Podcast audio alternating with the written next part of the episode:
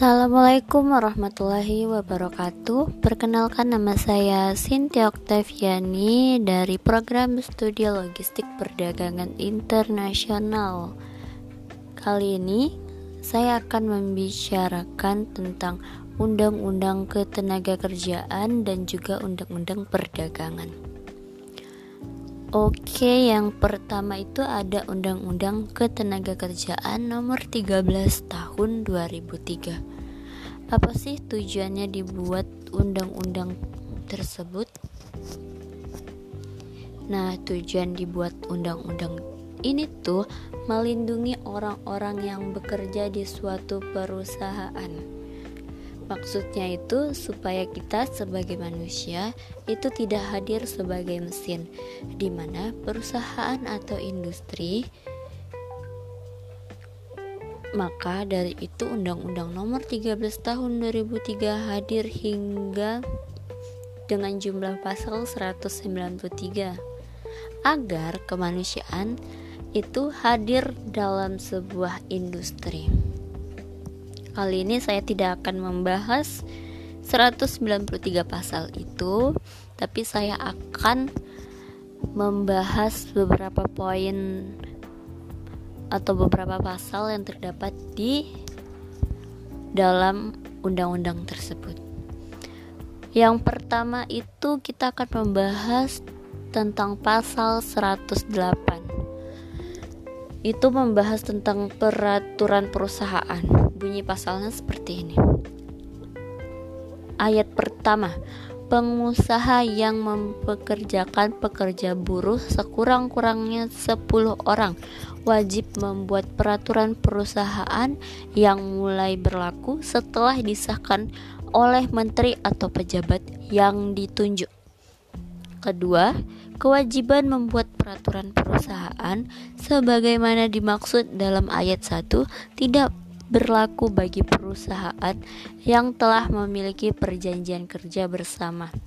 Tujuan dibuatnya itu Undang-Undang Peraturan Perusahaan menjamin keseimbangan antara hak dan kewajiban pekerja serta antara kewenangan dan kewajiban pengusaha memberikan pedoman bagi pengusaha dan pekerja untuk melaksanakan tugas kewajibannya masing-masing menciptakan hubungan kerja harmonis, harmonis, aman, dan dinamis, serta pekerja dan pengusaha dalam usaha bersama melakukan dan menjamin kelangsungan perusahaan serta meningkatkan kesejahteraan pekerja dan keluarganya. Nah, itu merupakan tujuan dibuatnya peraturan perusahaan. Kira-kira masih ada nggak sih yang melanggar peraturan perusahaan tersebut? Udah padahal udah diatur dalam undang-undang. Ternyata masih ada teman-teman, yaitu dilansir dari artikel kompasiana.com bahwasanya PT Tolutung Marindo Pratama atau PT TMP ini perusahaan yang bergerak di pengolahan ikan beku yang berlokasi di desa Inobonto 2 Kecamatan Bolang melakukan pelanggaran terhadap UU Ketenagakerjaan. Apa sih pelanggarannya? Ya pelanggaran pertama itu PT TMP tidak memiliki peraturan perusahaan. Hal ini bertentangan atau melanggar ketentuan pasal 108 ayat 1 yang di mana tadi yang dijelaskan bahwa pengusaha yang mempekerjakan pekerja atau buruh sekurang-kurangnya 10 orang wajib membuat peraturan perusahaan yang mulai berlaku setelah disahkan oleh menteri atau pejabat yang ditunjuk. Nah, jadi kalau misalnya teman-teman nih mau buat perusahaan gitu kan.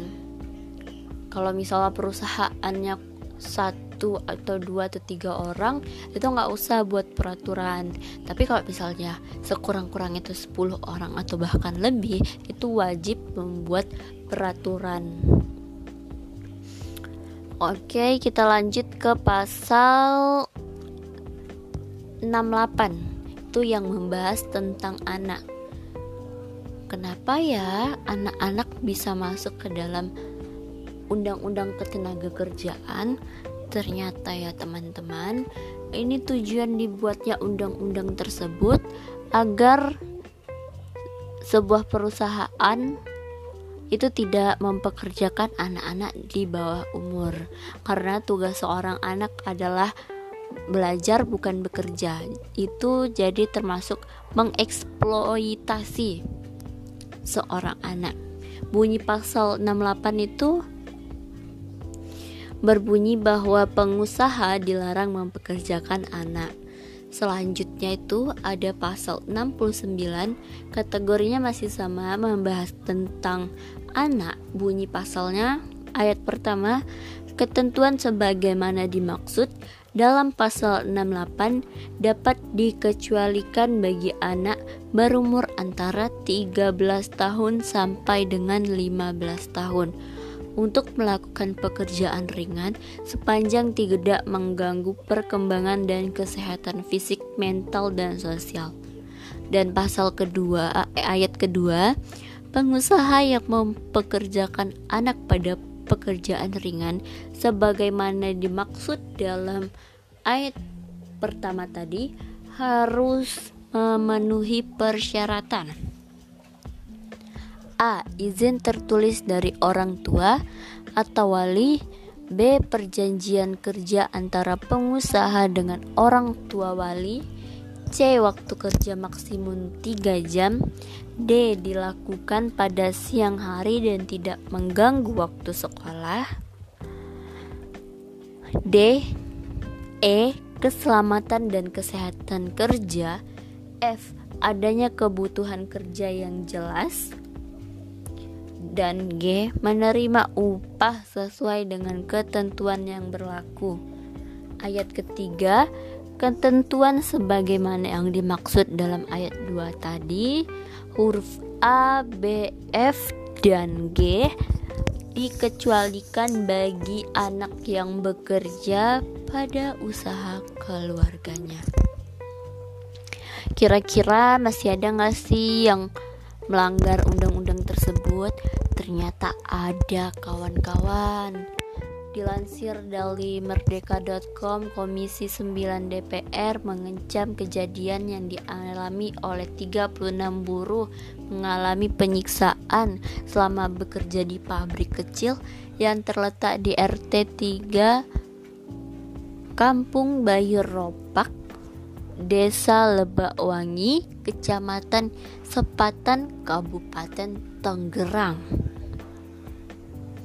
Perbuatan tidak manusiawi yang dialami oleh buruh pabrik kuali di Tangerang menjadi tamparan bagi bangsa Indonesia. Pasalnya, Hari Seburuh Sedunia atau May Day baru saja dirayakan oleh seluruh buruh.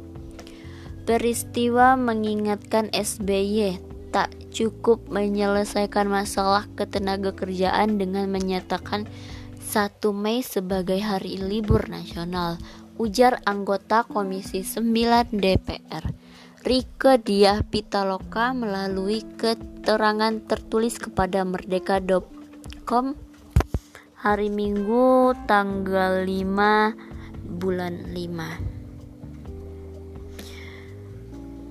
Perusahaan ini perusahaan pabrik ini melanggar pasal 69 ayat 2 UU 13 tahun 2003 dengan sanksi pasal 185